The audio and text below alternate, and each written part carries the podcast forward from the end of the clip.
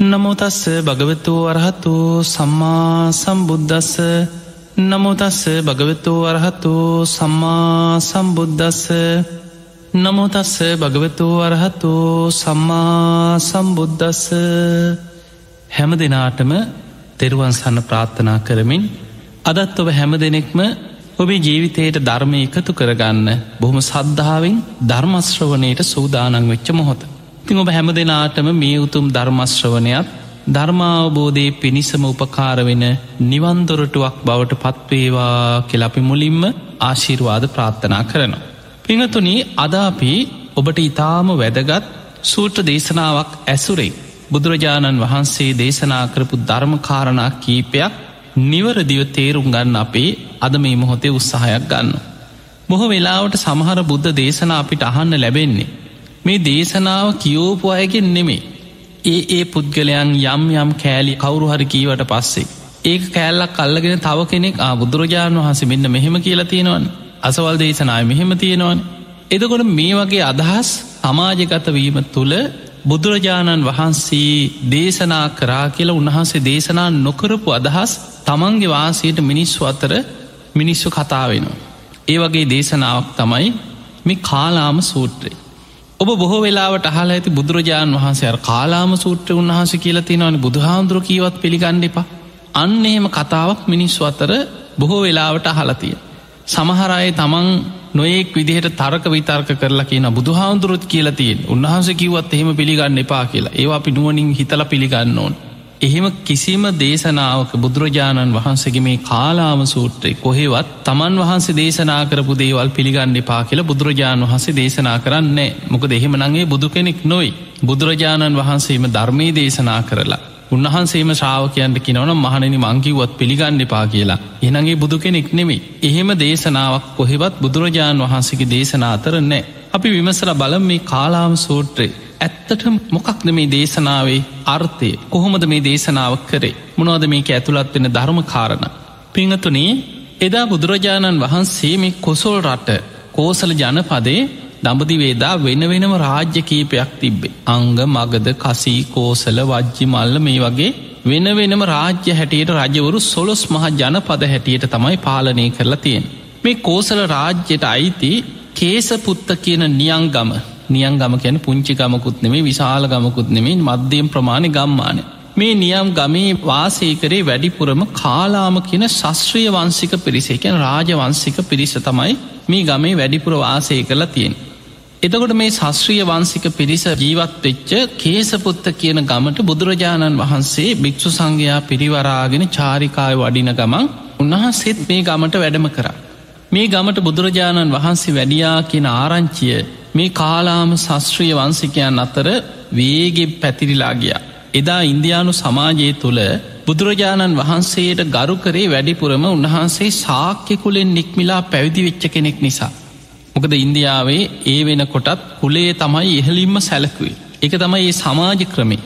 බොහෝ දෙනෙක් කතාවෙන්න ගත්ත අන්න අපේ ගමට සාක්‍යකුලෙන් නික්මිලා පැවිදි වෙච්ච සිද්ධාර්ථ ශ්‍රමණයන් වහන්සේ ගෞතමයන් වහන්සේ පේ ගමට වැඩම කරලා. දැම් මේ කටකතාව පැතිරෙනකොට ඒ අතර උන්වහන්සේගේ ගුණ කදම්බේ ගැනත් මිනිස්සු කතාවෙන්න ගත්තා. උන්වහන්සේ අරහං නිකෙලෙස් කෙනෙක්ලු. තවයකි නො උන්වහන්සේ විතරක්න මේ සම්මා සම්බුද්ධයි. ගුරූපදේශ රහිතව ධර්මය අවබෝධ කරගත්ත කෙනෙ. තවත් අයකෙන උන්වහන්සේ විද්‍යාචන්න සම්පන්න. තමන් වහන්සේ මේ මේ වගේ අවබෝධයන් ඇති කෙනෙක්ලු. ඊට ගැලපෙන චරිතවත් ජීවිතයක් ගත කරන කෙනෙක්. සුගත සුන්දර නිවන් මග හොයාගෙන නිවනට පත්වෙච්ච කෙනා. ලෝකවිදු මේ විශ්වය ගැන ලෝකයේ ගැන පරිපූර්ණ අවබෝධයක් ඇති කෙනෙ. අනුත්තරෝ පුරිස දම්ම සාර්ථී ඕනම කෙනෙක් ධර්මාවබෝධය පිණිස දමනී කරගන්න දක්සයි. සත්තා දේව මනුස්සාන දෙව් මිනිස්සුන්ටම නිවන් මඟ පෙන්නන ශාස්ෘුවරයක් ගුරුවරයක්. බුද්ධ තමන් අවබෝධ කරගත් ධර්මී ලෝකෙට දේශනා කරනවා. භගවා මේ ලෝකෙ පහළවෙච්ච මහා පින්වන්ත කෙනෙක් උන්වහන්සේ. තැ මේ කීර්තිරාව මිනිස්සු අත්තර වේගෙන් පැතිරිලා ගිය. මේ අය ඉක්මනට එකතු වෙලා යමල්ල යමල් අපිත් යමල්ලා උන්හන්සේ මුණගැහිල් අනේ බණපදයක් අහන්න යමල්ල කියලා දැන් අර කාලාම ශස්ත්‍රිය වන්සික බොහෝ පිරිස බුදුරජාණන් වහන්සේ හොයාගෙන උන්වහන්සේ වැඩහිටිය තැනට එකතුුණ.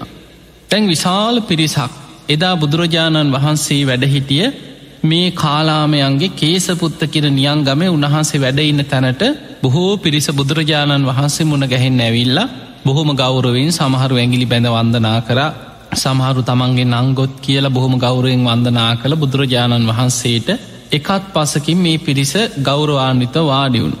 මෙහෙම වාඩිවෙච්ච පිරිස බුදුරජාණන් වහන්සේට තමන්ට තියෙන ප්‍රශ්නයක් ගැන කියන්න ගත්ත මුලින්ම. අනේ ස්වාමිනී භාග්‍යතුන් වහන්ස අපේ ගමට නොයෙක් විදිහ ශාස්ෘුවරු කියාගත් අයනවා කියෝ. අපිත් බුදුවරු කියාගත් අය අපිත් ධර්මය අවබෝධ කරගත්ත කියාගත්ත ඒ කාලි හිටිය නිගන්ට නාතපුත්ත. සංජේබෙල් අට්ටිපුත්ත. අජිත කේසකම්බලි කකුද කච්චායෙන් මක්කලි ගෝසාලොය වගේ සත් ශාස්ෘුවරු ගැන ශාස්ෘුරු ගැන ඕනුත් කියන්නේ අපිත් විමුක්තියට පත්වෙලයින් අපේ විමුක්ති මාර්ග මේකයි මෙන්න මේකයි හරි එදකොට අපි සාමාන්‍යෙන් බෞද්ධය කියන්න පුළුවන් අපි තමයි සම්මාධිට්ටි මේක තමයි ඇත් අනිත් අයි මිත්‍යාදුෂ් හැබැයි ඒ අයි හිතාගෙනින් ඒ අයි සම්මාධිට්ටිය ඉන්නවා. අනිත් ඔක්කොම් මිත්‍යාදුෂ්ටිකු ඒ විදියට තමයි තමන්ගේ මතවාද තමයි හරි. අරොක්කොම වැරදි. මේ විදිහට කියාගත්ත එක ඒක කණ්ඩායන් එනවා කිවෝ හිතකොට මේ කාලාමයන්ට තියෙන ප්‍රශ්නය තමයි සාමීනී භාග්‍යතුන් වහස නොඒෙක් විදිේ ශාස්ත්‍රෝඩු කියාගත් අයනවා. අපි තමයි බුද්ධ කියාගත් අයනවා. අපි තමයි සියල්ල අවබෝධ කරේ අපේ එකයි හරි කියාගත් අයනවා. ඒ අය මේ ගංවලට ඇවිල්ලා තමන්ගේ මතවාදේම උත්සල තියනවා.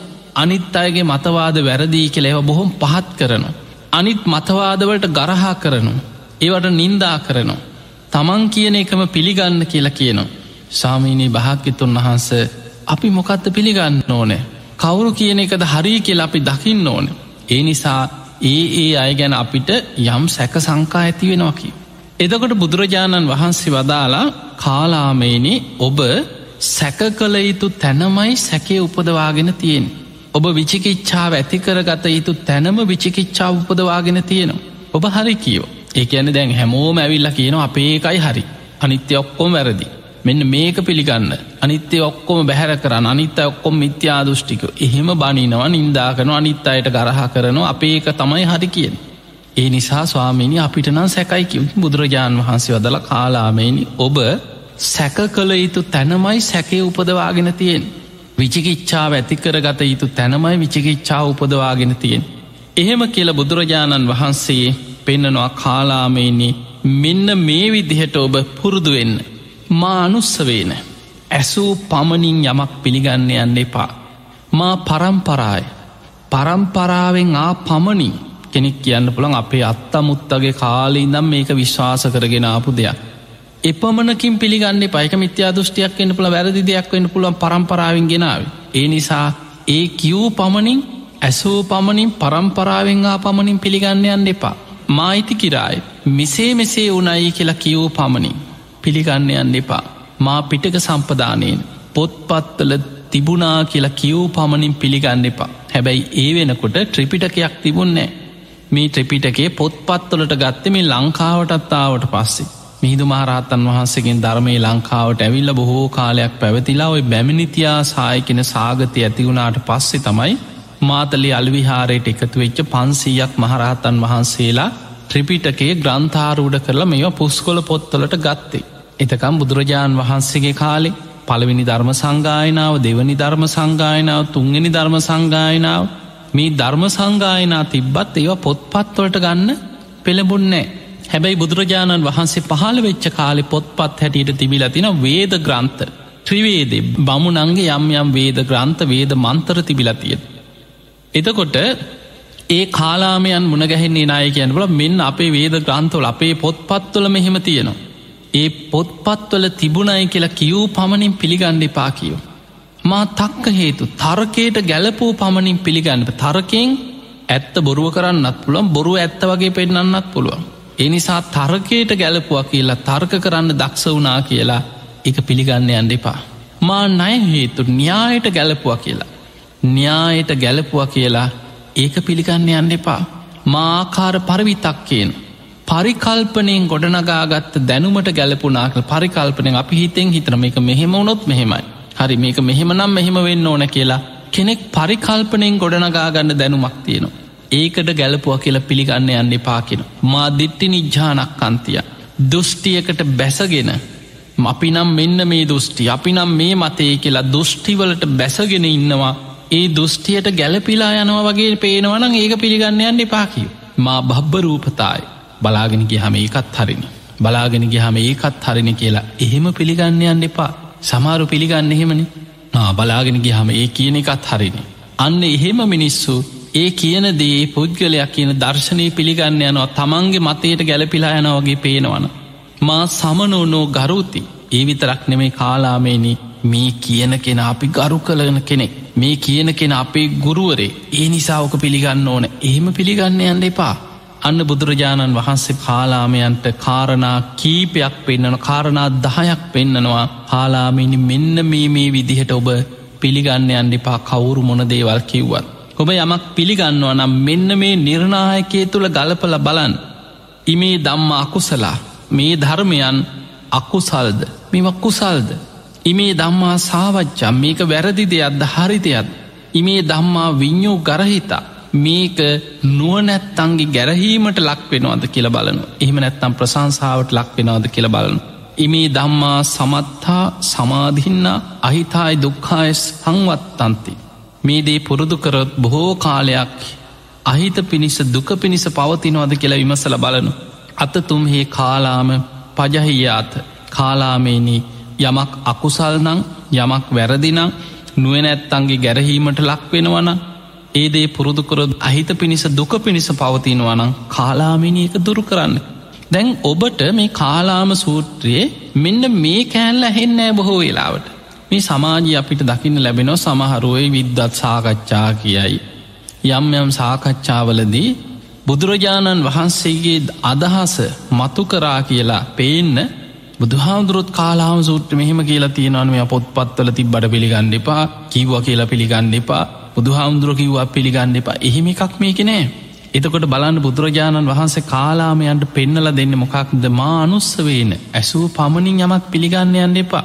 මා පරම්පරායි කාලාමේනි පරම්පරාවෙන් ආව කියල පිළිගන්න යන්නත් එපා. මා ඇති කිරායි. මෙසේ මෙසේ උනයි කියලා කිව් පමණින් පිළිගන්න එපා. මා පිටක සම්පදානයෙන් ඒ කාලි තිබ්බ පොත් බත් මේවා පේද ග්‍රන්ථ ඒවෑ තිබ්බ කියල පිළිගන්න යන්න එපා.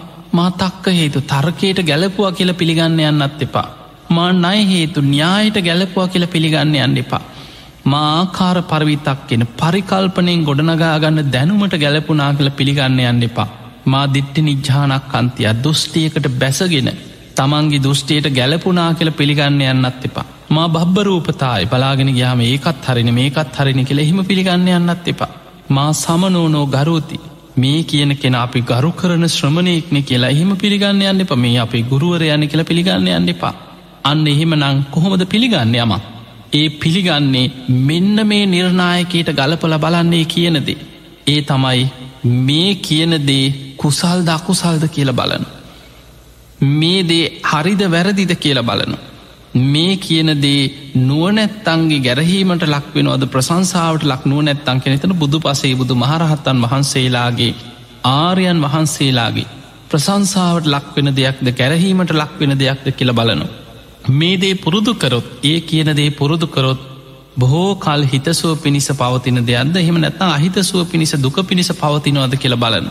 එහෙම බලලා ඒ දේ යහපත් නං එක පුරුදු කරනවා ඒ අයහපත් දෙයක් නම් බැහැර කරන අන්න බුදුරජාණන් වහන්සේ කාලාමයන්ට පෙන්වා කාලාමේනි මෙන්න මේ ක්‍රමේටයි ඔබ මේදේ පිළිගන්න ඕන්. එහෙම කියල බුදුරජාණන් වහන්සේ කාලාමයන්ගේ ගහනවා කාලාමේනි ඔබ මොකද මේ ගැන හිතන්න. මේ ලෝභය පුද්ගලයාට හිතසුව පිණිස පවතින දෙයක්ද අහිතසුව පිණිස පවතින දෙයක්ද කෙලෙහු. අන්න එතකොට කාලාමයන් කින ස්වාමීණී භාකතුන් හස ලෝභය කියන්නේ නං අහිත පිණිසමයි කිව පවතින්.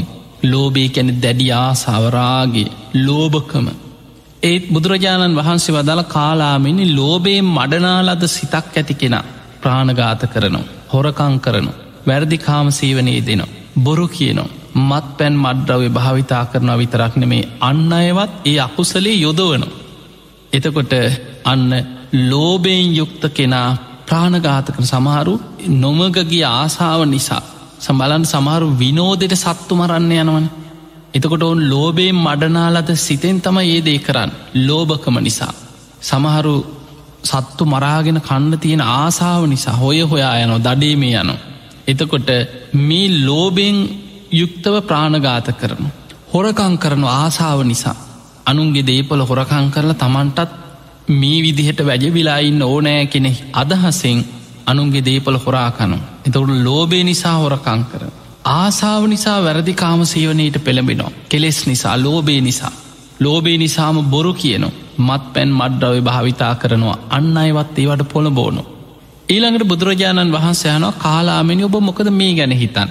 දවේශය පුද්ගලයාට හිතසුව පිණිස පවතින දෙයක්ද අහිත පිණිස පවතින දෙයක්. එතකොට කාලාමයන් කිනො ස්වාමීණී භාග්‍යතුන් වහස මේ දවේශය කියන්නේ නම් අහිත පිණිසමයි පවතින්නේ දුක පිණිසමයි පවතින්. බුදුරජාණන් වහන්සේ වදල කාලාමෙනි දවේශයෙන් මඩනාලද සිතක් ඇති කෙනා. දවේශය තුළ පිහිටලත් ප්‍රාණගාත කරනු හොරකං කරනු වැරදිකාම සීවනයේ දෙනවා. බොරු කියනවා මත් පැන් මඩ්‍රව්‍ය භාවිතා කරනවා අන්න අයවත් ඒවට පොළ බෝනුවකින්. බලන්න ලෝබේ නිසා සමහරු ආසාාවට සත්තු මරන්න යනු. විනෝදෙට සමහරු දවේශෙන් මිනී මරණ. සත්තු මරණවා කේන්තිය නිසා. අන්න දවේශයේ මඩනාලද සිතෙන් ඒවගේම ප්‍රාණගාත කරන. ඉළඟට දවේශය නිසා හොරකං කරන. සමහර වෙලාවට තමන් තරහකාරයෙක්ගේ දේවල්. ඒව නැති කරන්න ඕන විනාස කරන්න ඔවුන්ගේ දේපල හොරකං කරන්න ඕන කියලා. දවේශය නිසා හොරකං කරන්න ආසාාව නිසා වගේම දවේශය බලවත් වෙලා හොරකංකන. සමහර වෙලාවට අපිට පේනවා වැරදි කාමසීවනි දවේශ හිතෙන් ඒ දේ කරන. ඒ නිසා සමහට තමන්ගේ තරහාකාරයක්ග කෙනෙක් වෙන්න පුළුව. දරුව වෙන්න පුළුවන් උස්සල වදදීලා තමරු දූෂණයක් කළ මරලද්දාන. අන්න දවේශය නිසා තමන් වැරදි කාමසීවනයේ දෙනවා. ඊළඟට දවේශය නිසාම බොරු කියනවා. අනුන් විනාස කරන්න සැලසුම් කරලා වෛරයෙන් දවේශයෙන් බොරු කියනවා මිනිස්සු.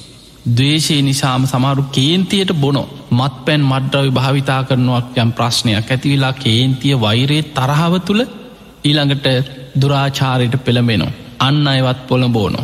බුදුරජාණන් වහන්සේ වදාළ කාලාමේනේ මේ දවේශය කියන්නෙත් පුද්ගලයාට බොහෝ කල් අහිත පිණිස දුක පිණිස පවතින දෙයක්.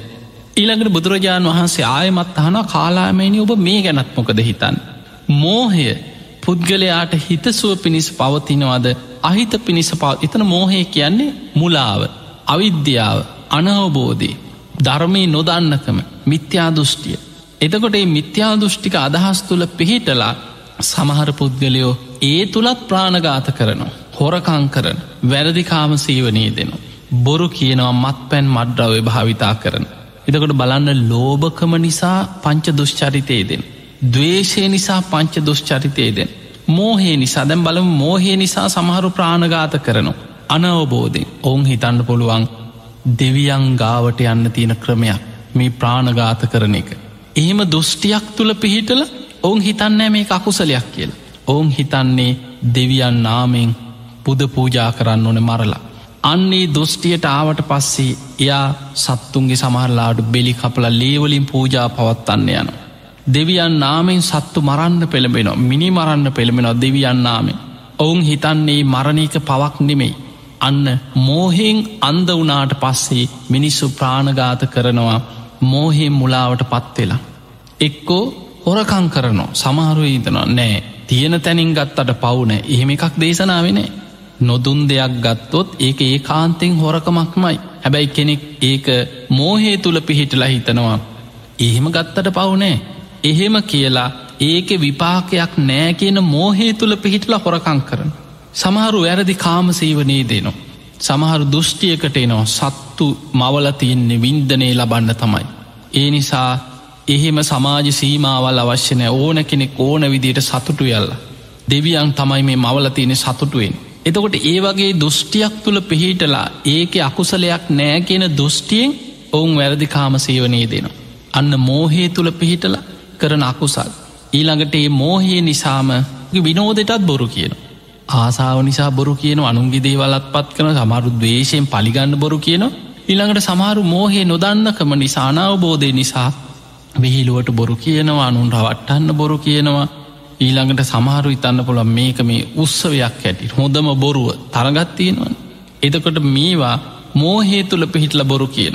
මත් පැන් මඩ්ඩවේ භාවිතා කන සමාර්ගයන් පුළන් මේක ඇඟට ගුණයි. අන්න මෝහේ තුළ පිහිටල මේක වෛද්‍යවරු නිගමනය කරලා තින ටික ටික ගත්තට කමක් නෑ.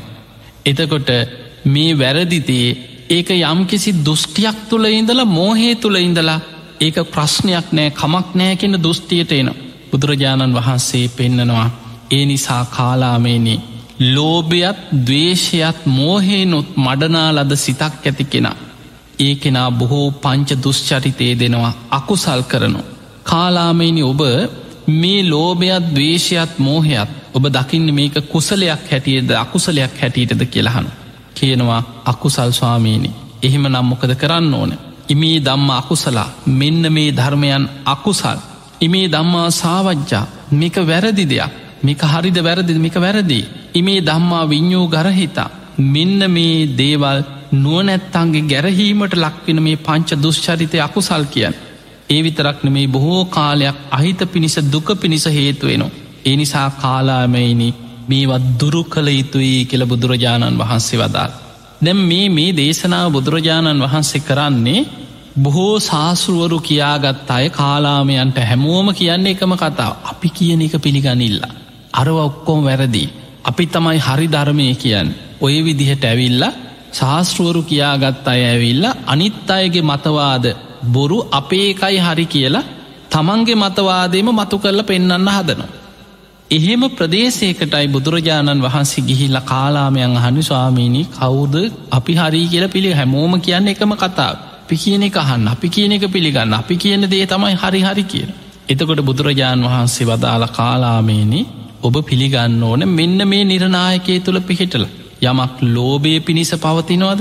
දවේශය මෝහේ තුළ පිහිටල කටයුතු කරනවන ඒ අකුසල් එක පංච දුෂ්චරිතය ඒ විතරන්න මේ අනුන්ත් ඒකට යොදෝනො තමනුත් අකුසලේ දෙනවා. එතකොට අන්න ඔබට හොඳටම තේරුම් ගන්න පුළුවන් ලෝබ දවේශ මෝහ තුළ පිහිටලා කරන කියන දේවල් සියල්ල එක අකුසල්. එක වැරදි සහගත දේවා නුවනැත්තන්ගේ ගැරහීමට ලක්වෙන දේවල්. එකැන බුදු පසේ බුදු මහරහතන් වහන්සේලා ප්‍රසංසා කරන්න ඇයි දේවල්. ඊළඟට ඒ දේවල් පුරුදු කොරොත් බොහෝ කල් අහිත පිණිස දුක පිණිස හේතුවෙනු අන්න එහෙනං ඒවත් දුරු කරන්න කියෙන්. එහෙම කියලා බුදුරජාණන් වහන්සේ ආයමත් කාලාමයන්ට අර මුල කාරණි ආයමත් මතක් කළ දෙනවා. ඒ නිසා කාලාමේනි යමක් ඇසූ පමණින් පිළිගන්න යන්නේ පාමානුස්ස වෙන. මා පරම්පරායි පරම්පරාවෙන් ආවා කියලා කියවූ පමණින් පිළිගන්න යන්නත් එපා. මා ඉතිකිරායි මෙසේ මෙසේ වනයි කියලා කියවූ පමණින් පිළිගන්න යන්න එපා. සමහල මවලප් කියන් මේ මේ කාහගෙනින් නැද්දි මෙහෙම වුණා. එදා මෙන්න මෙහෙම දෙයක් වුණා ඔයි දේශනාව තුළ. උන්හන්සේ තමයි හරියටම කියන්න. එතකොට මෙහෙම මෙහෙම උනා කියලා කිව් පමණින් ඒක පිළිගන්න යන්න එපා කියන. මා පිටක සම්පදානය අන්න අසවල් පොතේ තිබුණ මේ පොතේ තිබුණ. පොත් පෙරලයි අමුතු දේශනා හදයි. හැබැයි පිළිගන්න යන්න එපා කිය. මා තක්ක හේතු තර්කයට ගලපලා දැන් අපිකත් දකිනවා තර්කකාර සමට උසාවිවල. තර්කයෙන් තමයි බොහෝ දේවල් හරිදී වැරදි විදිහට පෙන්න්න පුළුව වැරදිදේ හරි විදිහට තර්කයෙන් මතු කරලා පෙන්න්න පුළුව. තර්ගයට දක්ෂ කෙනා සමහර වෙලාවට ඒ තර්කය තුළින් ජයගන්න. ඒ නිසා තර්කයට ගැලපුවා කියලා ඒක පිළිගන්න යන්නේ පමා තක්ක හේතු. මා නයි හේතු න්‍යායට ගැලපුවා කියල පිළිගන්න එපා. මාකාර පරවිතක්කෙට පරිකල්පනින් ගොඩනගාගත් දැනුමට පරිකල්පනය එකැන අපි හිතලත් හිතෙන් මනසින් ගොඩනගාම එක මෙහෙමුණොත් මෙහෙමයි මෙහෙමුණොත් මෙහෙමයි කියලා ඔබ හිතෙන් පරිකල්පනින් ගොඩනගාගන්න දැනුමට ගලප ගත්ත කියලා එහෙම පිළිගන්න යන්නත් එපා. මා දිට්ටි නිජ්‍යානක් අන්තේ ඔබ දෘෂ්ටියකට බැසගෙන ඉන්නවා. ඒ දෘෂ්ටියට ගැලපිලා යනවා කියලා එහෙම පිළිගන්න යන්නත් එපා. මා බබ්බ රූපතාය බලාගෙන ගහම එකත් හරි ඒ කියන කතාවත් හරි වගේන. එහෙම පිළිගන්න යන්න එපා කියනවා. මා සමනෝනෝ ගරෝති. මේ කියන කෙනානං අපි ගරු කරන කෙනෙක්. මේ අපේ ගුරුවරේක්නෙ කියලා එහෙම පිළිගන්න යන්නත් එපා. අන්න බුදුරජාණන් වහන්සේ ආයමත් අහනවා. එහෙමනං කාලාමෙන ඔබ පිළිගත යුත්තේ මෙන්න මේ විදිහටයි. ඉමේ දම්මා කුසලා මේ ධර්මයන් කුසල්ද? මේ ධර්මයන් නිවරදිද? මේ ධර්මයන් නුවනැත්තන්ගේ ප්‍රසංසාවට ලක්වෙනවාද මේ දේ පුරුදුකොරොත් බොහෝ කාල් හිත පිණිස සැප පිණිස බොහෝ කාලයක් හිතසුව පිණිස පවතිනවාද කාලාමයිනි ඔබ ඒ දේවල් පුරුදු කළ යුතුයි අන්නේ දේ විතරක් පිළිගන්න. එහෙම කියලා බුදුරජාණන් වහන්සේ ආයමත්තානවා කාලාමයිනි ඔබ මොකද මේ ගැන කිය. අලෝභය එකැන ලෝබ නැතිකම පුද්ගලයාට හිතසුව පිණිස පවතින දෙයක්ද අහිතසුව පිණිස පවතින දෙයක්ද කෙළෙහු. අන්න කාලාමයන්ට දැන් තේරෙන කාලාමයන් කරනේ ස්වාමිනී භාග්‍යතුන් වහන්ස ලෝබ නැතිකම ආසාාව දුරුකිරීම තන්හාාව දුරුකිරීම ලෝබේ නැතිකමනං පුද්ගලයාට හිතසුව පිණිසමයිකය පවතින්. බුදුරජාණන් වහන්සේ වදාළ කාලාමේනී ලෝබයෙන් දුරුකරගත්ත කෙනා ප්‍රාණඝාතයක් කරන්නේ නෑ. හොරකං කරන්නේ වැරදිකාම සීවනී දෙන්න. ඔහු බොරු කියන්නේ නෑ. ඔහු මත් පැන් මඩ්ඩව භාවිතා කරන්නේ අන්න අය මේ දුසිරිත යොදවන්නේ නෑ. එතකොට බලන්න ලෝබයෙන් තමයි මේ අකුසල්ලුවට පෙළඹෙන්. අලෝභ සහිත හිතක් ඇති ලෝබේ දුරුකරගත්ත කෙනා ඒ ලෝබේ දුරුකරපු සිතකින් යුක්තව ඔහු කවදාවත් මේ පංච දුෂ්චරිතයට වැටෙන්නෑකි. ඊළඟට බුදුරජාණන් වහන්සේ ආයමත් අහනවා කාලාමේනි? මෛත්‍රිය අද්වේශය කැන දවේශ නැතිකම මෛත්‍රිය පුද්ගලයාට හිතසුව පිණිස පවතිනවාද?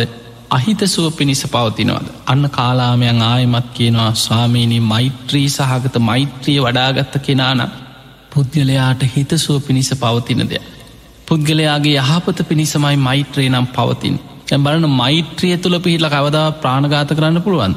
මෛත්‍රී සහගත හිතක් තුළ පිහිටලා. එහෙම කරන්න බෑ. මෛත්‍රිය දියුණු කරගත්ත හිතක් තුළ පිහිටලා හොරකං කරන්න බෑ. වැරදිකාම සේවනී දෙන්න බෑ.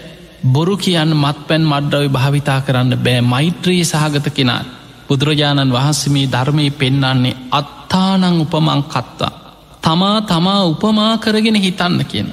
ඒ කියන්නේ තමා උපමා කරගෙන තමයි පන්සිලටකි දැන් ඔබ හිතනවා කවුරුත් කැමතිද කට්ටි ඇවිල්ල ඔබට ගහලා පිහිවලින් ඇනල ඔබේ අතපය කපල ඔබෝ මරලායනවට ඔබ කැමතිද? නෑ. හැම සත්වයාම ජීවත්වෙන්න කැමති මරණයට අකමැති. එහෙමනං අන්න මෛත්‍රී සහගත කෙනා හිතනවා මං මගේ ජීවිතයට ආදරේ. මට ගහනවට මාව මරණවට මට පිහිවලින් අනිනෝට මං කැමතිනෑ ඒ වගේ මයි මේ ලෝක අනික් සත්‍යයෝ එහෙම නම් මම මගේ කයිමුල් කරගෙන කිසිම සත්‍යයකුට හිංසාවක් කරන්නේ නෑ කියලන්න මෛත්‍රී සහගත කෙනාමයි ප්‍රාණඝාතයෙන් වලකින්. ඊළඟට එයා හිතනවා මම කැමතිද මම දුක්මහන්සයෙන් හම්බ කරගෙන මම ආස කරන ඇලුම් කරන මගේ දෙයක් තව කෙනෙක් ඇවිල්ල හොරකං කරනවට මං කැමතිනේ. එහෙමනම් අන් සත්වයනුත් ඔවුන්ගේ දේවල්ලට ඔවුන් ඇලුම් කරන ආස කරනවා. කවදාවත් නොදුන් දෙයක් අන්සතු දෙයක් සොරකම් නොකළ යුතුයි කියලා සොරකමෙන් වලකින්නේ අන්න මෛත්‍රයේ සහගත කෙන. ඊළඟට හිතනවා මම කැමතිද පෞල් ජීවිතයක් ගත කරන කෙනෙක් ගැන හිතන් විවාහ වෙලා බොහොම ආදරින් පෞල් ජීවිතයක් ගත කරන කෙනෙ. ඔවුන් කැමතිනෑ ඔවුන්ගේ පෞල් ජීවිතයට කවුරුත් බාහිර පිටස්තරේ ඇතුල්ලෙලා පවුල විනාස කරල අරබූද හදලා පවුල කඩාකප්පල් කරනවා දකින්න ආදරින් ඉන්න සැබෑ පෞල් ජීවිතයක් ගත කරන කෙනෙක් කැමතිනෑ. එහෙමනං එයා තමා තමා උපමා කරගෙන හිතනවා මම අකමැති සේමයි අන්න අයත් ඔවුන්ගේ පවුල් ජීවිත රැකගන්න ඔවුන් කැමති. ඒ නිසා මම කවදාවත් වැරදි කාමසේවෙන්නේ යෙදෙන්නෙන්නෑ අනුන්ගේ පවුල් ජීවිත විනාස නොකළ යුතුයි කියලා. අන්න තමා තමා උපමා කරගෙන අකුසල්වලින් වලකින මෛත්‍රී සාගත හිතක් ඇති කෙනාම එහෙම හිතන්. ඊළඟට හිතනවා මම කැමතිද කවුරුත් බොරු කියල මාව රවට්ටනවා දකින්න මං කැමතිනේ බොරු කියලා මුලා කරලා රවට්ටල තමන් අමාරුවේදානුවට තමන් කැමතිනෑ. ඒවගේ තමයි මේ ලෝක අනික් සත්‍යයෝ.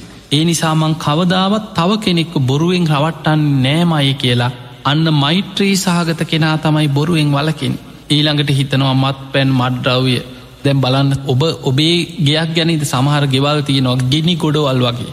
දේ ඉනම් සමහරලාට බේ බද්දු ගෙදර. උදේ තේක බොනවා වගේ උදේ නැකිටපු ගමන් බොන බේ බද්ද ඉන්නවා. එක්කො බීලගෙවල්වල බඩු පොලේ ගහනවා ලරුවන්ට ගහන තාත්තල ඉන්නවා එතකොට දරුවෝ ඉන්න තාත්ත රෑට එනකොට එක්ව ඇදං අස්සරිංකනවා. එතකොට බීලා එනකොට ගෙවල්ල ඉන්න මිනිස්සු යවුල් නොද කාට ගහයිද අද මොන බඩුව පොලේ ගහයිද රෑ එල්ලි වෙනකන් සමහරලාවට කෑ ගහනවා වූතියනවා බනිනවා ගෙයින් එලියට ඇදලදානෝ. ඒ වගේ මහා පෞකාර කරුමට හම්බෙච්ච බේබද්දෝ සමහර පවුල්ලොල ඉන්නවා. එතකොට කෙනෙක් හිතනවා ඒ වගේ මට පීඩාවක් ඇතිවෙනවට මම අකමැතිනං මම කවමදාවත් අන්න අයවත් ඒවට යොදවන්න හොඳ නෑ. ඒ විදියට හිතලා තමනුත් වලකිනවා අන්න අයවත් ඒ පව්වලට යොදවීමෙන් වලකින් අන්න මෛත්‍රී සහගත කෙනගේ ස්භාව. ඊළඟට බුදුරජාණන් වහන්සේ හනවා කාලාමයින් ඔබමකද මේ ගැනත් හිතන්න. අමෝහේ කැන නුවන ප්‍රඥාව විද්‍යාව පහල කර ගැනීම මෝහ නැතිකම පුද්ගලයාට හිතසුව පිණිස පවතිනවාද අහිත පිණිස පවතිනවා. එතකොට කාලාමයන් කෙන ස්වාමීනී නුවන පහළ වනා කියන්නේ ප්‍රඥාව පහළ වනා කියන්නේ මෝහෙ නැතිකර ගත්ත කියන්න.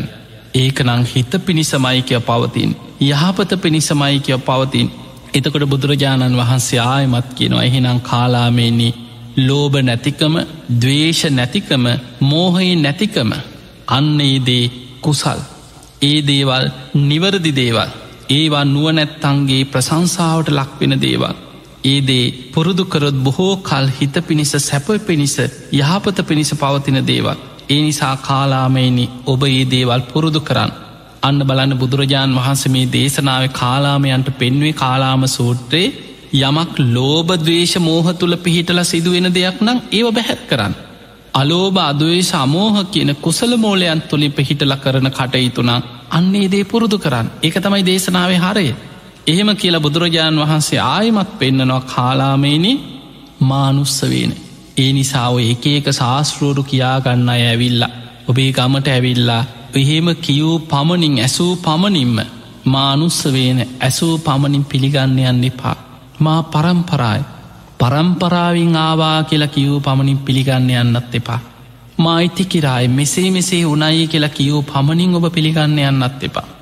මා පිටක සම්පදානයන පොත්පත්වල තිබ්බා කියලා කියවූ පමණින් ඔබ පිළිගන්න යන්නත් එපා.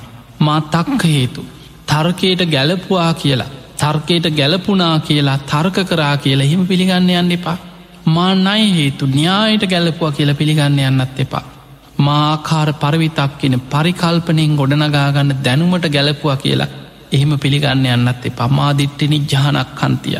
දොස්ටියකට බැසගෙන තමන්ගේ දෘෂ්ටියට ගැලපිලාගයා කියලා හරිනේ නම් මගේ මතයට හරි කියලා එහෙම පිළිගන්න යන්නත් එපා. මා බබ්බරූපතායි බලාගෙන ගහම එක හරිනි. බලාගෙන ගහම ඒකත් හරිනි කියලා එහෙම පිළිගන්නත් එපා. මා සමනෝනෝ ගරුවති මේ කියන කෙනානං අපි කරු කරන කෙනෙක් මෙයානම් බොහොම ප්‍රසිද්ධ කෙන මේ අපේ ගුරුවරයෙක්නේ එහෙම පිළිගන්න යන්නත් එපා කියෙන් එහෙම නං පිළිගන්න ඕනෑ යමක් කුසල්ද අකුසල්ද කියලා බලලා අකුසලේ බැහැර කරනවා කුසලේ පුරුදු කරනවා. මේ ධර්ම පුරුදුකරොත් මේක නිවරදිද වැරදිද කියලා බලනවා නිවරදිදේ පුරුදු කරනවා වැරදිදේ බැහැර කරන. මේ දේවල් බුදු පසේ බුදු මහරහතන් වහන්සේලාගේ නුවනැත්තන්ගේ ප්‍රසංසාාවට ලක්වෙනවද ගැරහීමට ලක්වෙනවද කියලා බලනවා ගැරහීමට ලක්වෙනවන ඒදේ බැහැර කරනවා ප්‍රසංසාාවට ලක්වෙනදේ පුරුදු කර. මේ දේවල් පුරුදු කරොත් බොහෝ කල් හිත පිණිස සැප පිණිස පවතිනවාද කියලා බලනවා. හිතසුව පිණිස පවතින දෙයක් නම් පුරුදු කරනවා තමන්ට සසර බොහෝ කල් මෙලෝ පරලව අහිත පිණිස දුක පිණිස පවතින දෙයක් නම් ඔබේ දේ බැහැර කරනවා. අන්න බුදුරජාණන් වහන්සේ කාලාමයන්ට පෙන්නපු පණවිනි. එහෙම කියලා බුදුරජාණන් වහන්සේ කාලාමයන්ට පෙන්න්නනවා කාලාමෙනි ඒ විතරක් නෙමෙයි.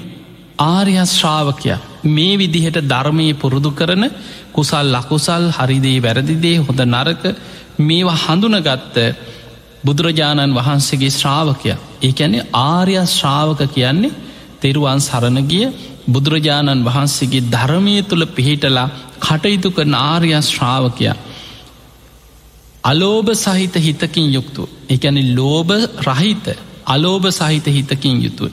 අද්වේශ මෛත්‍රී සහගත හිතකින් යුක්තු. අමෝහ සහිත හිතකින් යුක්ත කෙනා දස දිසාාවටම මෛත්‍රී සිතින් වාසය කරන. කරුණා මුදිතා උපෙක්කා කියෙන සිතින් දස දිසාාවටම මෙත් පතුරවාගෙනයි කෙන යා වාසය කරන්න. අන්න බුදුරජාණන් වහන්සේගේ ශ්‍රාවකය ලෝබ දවේශ මෝහ තුළ පිහිටලා කටයුතු කරන්නේ නැතුව අලෝභ අදවේශ අමෝහ තුළ පිහිටලා කටයුතු කරන බුදුරජාණන් වහන්සේ සරණ යන කෙනා හැම වෙලායිම සියලු සත්‍යයන් ගැන දස දිසාවට මනේ මේ සෑම සත්‍යයෙක්ම නිදුක්කෙත්වා නිරෝගිවෙත්වා සුවපත්වෙත්වා වෛර නැත්තෙක් වෙත්වා තරහ නැත්තෙක් වෙත්වා ඉරිසියා නැත්තෙක් වෙත්වා කියලා දස දිසාවට මෛත්‍රී සහගත හිතෙන් වාසය කර. සියලු සත්‍යයන් ගැන කරුණා මුදිතා උපෙක්කා කෙන සතර බ්‍රහ්ම විහරණින් දස දිසාවටම මෛත්‍රී සහගත වාසය කරන. බුදුරජාණන් වහන්සේ වදාළ කාලාමීනි ඒ විදිහට ධර්මානුකූලව ජීවත්වෙන මෛත්‍රයේ සහගතව සතර බ්‍රහ්ම විහරණ වඩන ආර්ය ශ්‍රාවකයාට මෙලව අස්වැසිලි කීපයක් තියෙන. ඒ තමයි බුදුරජාණන් වහන්සේ වදාළ ඔහුට එක අස්වැසිල්ලක් තියෙනවා පළවෙනි අස්වැසිල්ල තමයි මරණින් මත්තේ පරලවක් පිළිගන්න කෙනෙක් නම්. සමහරයින්නවා පරලව මරණින් මත්ත පරලව ගැන හිතලා යහපත්ව කටයුතු කරන. එයා පිළිගන්නවා මම නං මේ විදිහට ධර්මානුකූලෝ ජීවත් වෙන කෙනෙ.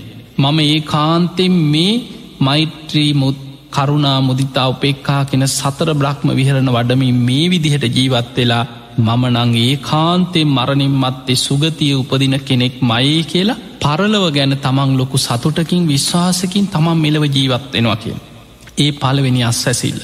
ඊළඟට පරලෝ පැත්තක සමහරුන්ට පරලොවට වැඩිය හිතනවා මෙලව සතුටින් ඉන්න ඕන. එතකොට මෙලව ගැන විතරක් හිතල කටයුතු කරත් එයා මේ ජීවිතේ ඔය කියන විදිහට අලෝභ අද්වේශ අමෝහ කියන මේ කුසල මූලයන් තුළ පිහිටලා එයා දසදිසාාවට මෛත්‍රී වඩමින් කරුණා මුදිතා උපෙක්හා වඩමින් කටයුතු කරන ශ්‍රාවකයෙක් නං ඔහුට මෙලව සතුටක් තියෙනවා මං මේ ජීවිතයේ කාටවත් කරදරයක් වෙන කෙනෙක්නේ මං හැම සත්වයාට මෛත්‍රී වඩන කෙනෙ. මම මෙලව බොහොම සතුටෙන් දුකක් නැති. සැප සහිත ජීවිතයක් ගත කරන මේ ලැබිච්ච මනුස්ස ජීවිතේ මං මෙලව බොහොම සතුටින් ජීවත්වෙන කෙනෙක් කියලා එයාට මෙලව සැපයකුත් තියෙනවා පරලව සුගතිය ගැන විශ්වාසයකුත් තියෙන අන්න දෙවනි අස් ඇසිය. මෙලව බොහොම සැපසේ ජීවත්වෙන කෙනෙ. ඊළඟට තුංගනියක බුදුරජාණන් වහන්සේ පෙන්න්නනවා ඒ කෙනා මේ විදිහටත් තමන් දිහා බල්ල සතුට වෙනවා. ඒ තමයි අපි දකිනවා ලෝබ දවේශ මෝහ කියන අකුසල් තුළ පිහිටල කටයුතු කරන කෙනාට සමාජි ගරහා කරනවා පව්කාරය පව්කාර පුද්ගලේ ඒ විදිහට මිනිස්සුන්ගේ ගැරහීමට ලක්වෙන. එතකොට අලෝභ අද්වේශ අමෝහ තුළ පිහිටලා මෛත්‍රී සහගත සිතෙන් දස දිසාාවට මෛත්‍රී වඩාගෙන ජීවත්වෙන ආර්යශ්‍රාවකයාට අස්වැසිල්ලක් තියෙනවා මමනං ඒ කියන විදිහ පෞකාරයන්ගේ ගොඩට වැටෙන කෙනෙක් නෙමෙයි. මං හොදට පින් කරගෙන මෛත්‍රී වඩාගෙන ජීවත්වෙන කෙනෙක් මයි කියල තමන්ට තමන් ගැන තුන්ගෙන අස්වැසිල්ල පිහිටනවා. ඊළඟට හත්තරවෙනි අස්වැසිල්ල තමයි මේ ලෝකයේ පින් කරනවා යයි සම්මත යම් පිරිසක් ඉන්නවද. මෙලොව පරලෝ ගැන හිතල පින්දහම් කරන පුුණ්‍යවන්ත පිරිසක් මේ ලෝක ඉන්නවනං මමත් ඒ අය ගොඩේ ඉන්න කෙනෙක් ඒ පිරිසට වැටෙන කෙනෙක් මයි කියලා තමන්ගේ ජීවිතය ගැන තමන් හතරවෙනි අස්සැසිල්ල ලබනවා කියන. අන්න බලන්න බුදුරජාණන් වහන්සේ මේ විදිහට විස්තර කරනකොට කාලාමයන් ආයමත් කියනවා ස්වාමීණී භාග්‍යතුන් වහන්ස මේ දේශනාවනං හරියට වහලා තිබ්බ දෙයක් ඇරල පෙන්නවා වගේ. සාමීනී භාග්‍යතුන් වහන්ස හරියට හරි ඔබහන්ස මේ දේශනා කරන දේ මේක හරියට අන්දකාරය හිටපු කෙනෙකුට ආලෝකයක් පහල කරල දුන්න වගේ අපිට ඔබහන්සික මේ දේශනා. මංමුලා වෙච්ච කෙනෙකුට පාර පෙන්නල දුන්න වගේ ඔබහන්සික මේ දේශනා ස්වාමීනී අද පටන් අපි බුදුන් සරණයනෝ. අද පටන් අපි ධර්මී සරණයනු. මේ මොහොතේ පටන් අපි බුදුරජාණන් වහන්සේගේ ශ්‍රාවක සංඝයා දිවිහිමියෙන් සරණයනවා කියලා මේ දේශනාව අහපු කාලාමයන් තෙරුවන් සරණ පිහිටල බුදුරජාණන් වහන්සේගේ ශ්‍රාවකයෝ බවට පත් වන මේක තමයි කාලාම සූට්‍රයේ තියෙන අදහස. එදකොට බලන්න මේ දේශනාව කොහෙවත් බුදුහාදුර දේශනා කරලන්නෑ මහනෙන්නේ මම කියන බණ පිළිගන්න එපා කියලා. හැබැයි සමාජයේ මේ දේශනාව තියෙන්නේ කොතනද කියවලවත් නැති පොතක්කත් කියෝපු නැති කවුරු හරි කියන මතයක් බොරුවක් අහගත්ත පිරිස සමහර සාකච්ඡාවල අපිට අහන්ඩ ලැබෙනවා. කාලාම සූට්ට මෙහෙම තියෙනවන බුදුහාමුදුර කිව්වත් පිළිගන්න එපා. එහෙම එකක් කොහෙවත් නෑ එතකොට බලන්න මේ දේශනාව තියෙන්නේ මොකක්ද සමාජගත වෙන්න මොකක් අන්නේ නිසා බොහොඳට පිළිගන්න. බුදුරජාණන් වහන්සේ උන්වහන්සේ දේශනා කරන්නේ බුදුරජාණන් වහන්සේගේ ධර්මය පිහිටන ශ්‍රාවකයා මෙවැනි දෘෂ්ටියක් තුළ පිහිටන්නට ඕන්. එයාට තමයි ධර්මය පිහිටන් සත්තා මේ භගව බුදුරජාණන් වහන්සේ මයි මගේ ශාස්තෘන් වහන්සේ. ශ්‍රාවකෝ හමසි මං උන්වහන්සේගේ ශ්‍රාවකයෙක් විතරයි. භගවා ජානාති බුදුරජාණන් වහන්සේමයි සියල් අවබෝධ කරගත්තේ අවබෝධයෙන් දන්නේ. උන්වහන්සිට තමයි සර්වඥතාඥානී පිහිටි තමන්ට නෙමෙයි. අහන්න ජානාමි මම්මොකුත් මේ විශ්ෂය ගැන ලෝකේ ගැන දන්නේ නැති මං මේ සංසාරය අසරණ වෙච්ච කෙනෙ. අන්නේ තැන ඉදං ශාස්ෘත්වය තුළ පිහිටලා බුදුරජාණන් වහන්සේ ගැන ගෞරවෙන් ඒ දේශනාව ඔබ අනුගමනය කරනවන ඒ බුද්ධ දේශනා බොහොම ගෞරයෙන් ඔබ ඉගෙන ගන්නවන ඒ දේශනාවල තියෙන ආකාරයට ඔබ හිතන්න පුරුදු වෙනවනම් අන්න ඔබ නොමග යන්නේ නැතුව ඔබට නිවරදිව ධර්මීගෙන ගන්න පුළුව තෙහෙමනං ඔබට මේ කාලාම සූට දේශනාවත් නිවරදිවම ධර්මය ඉගෙනගෙන ඔබට හරි ධර්මය හොයාගෙන සත්‍ය අසත්‍යය අධර්මයෙන් ධර්මී තෝරගෙන මිත්‍යාදුෘෂ්ටියෙන් සම්මාධිට්්‍යය වෙන් කරගෙන වැරදිදයෙන් හරිදේ හොයාගෙන ධර්මී කරාම ජීවිතයේ දියුණු කරගන්න මේ කාලාම සූට දේශනාවෙන් බුදුරජාණන් වහන්සේ පෙන්නපු මේ අවවාද ඔබ හැම දෙනාටමත් උපකාරවේවා වේවා කියල අපි ඔබ හැම දෙනාට මාශිර්වාද ප්‍රාත්ථනා කරනවා.